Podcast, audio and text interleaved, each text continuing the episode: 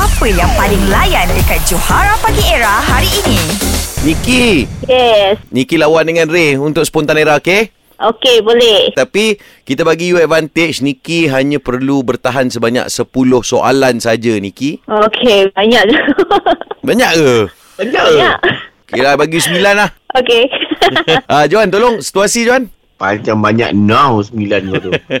Okey, uh, situasinya dua orang uh, pelajar yang bersedia nak ambil peperiksaan. Ha, Okey. Masuk dewan peperiksaan. SPM lah ni PM ah, come okay. on. Niki dah SPM belum? Dah. Ah, senang lah ni Baik, jom. Okey, Okay lepas bunyi loceng, Niki lupa, mulakan dulu boleh? Okey, boleh? Hari ni boleh bangun ke tak? Nak bangun pergi mana? Ha.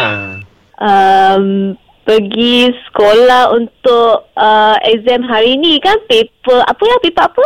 ha, ha. Paper apa? ha, soalan. Paper apa yang you suka? Ha. Oh, paper saya paling suka ialah Jangan BM jawab, hari ni, jangan kan? jawab Niki. Soalan Oh, saja.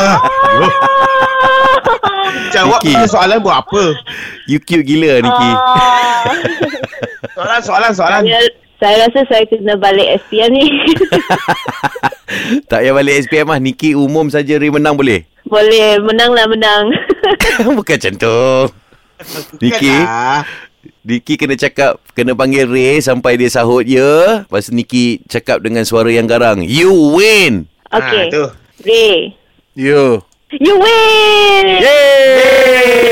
Catch up dengan lawak-lawak on points yang Johara Pagi Era delivery setiap hari Isnin hingga Jumaat. Bermula 6 pagi hingga 10 pagi.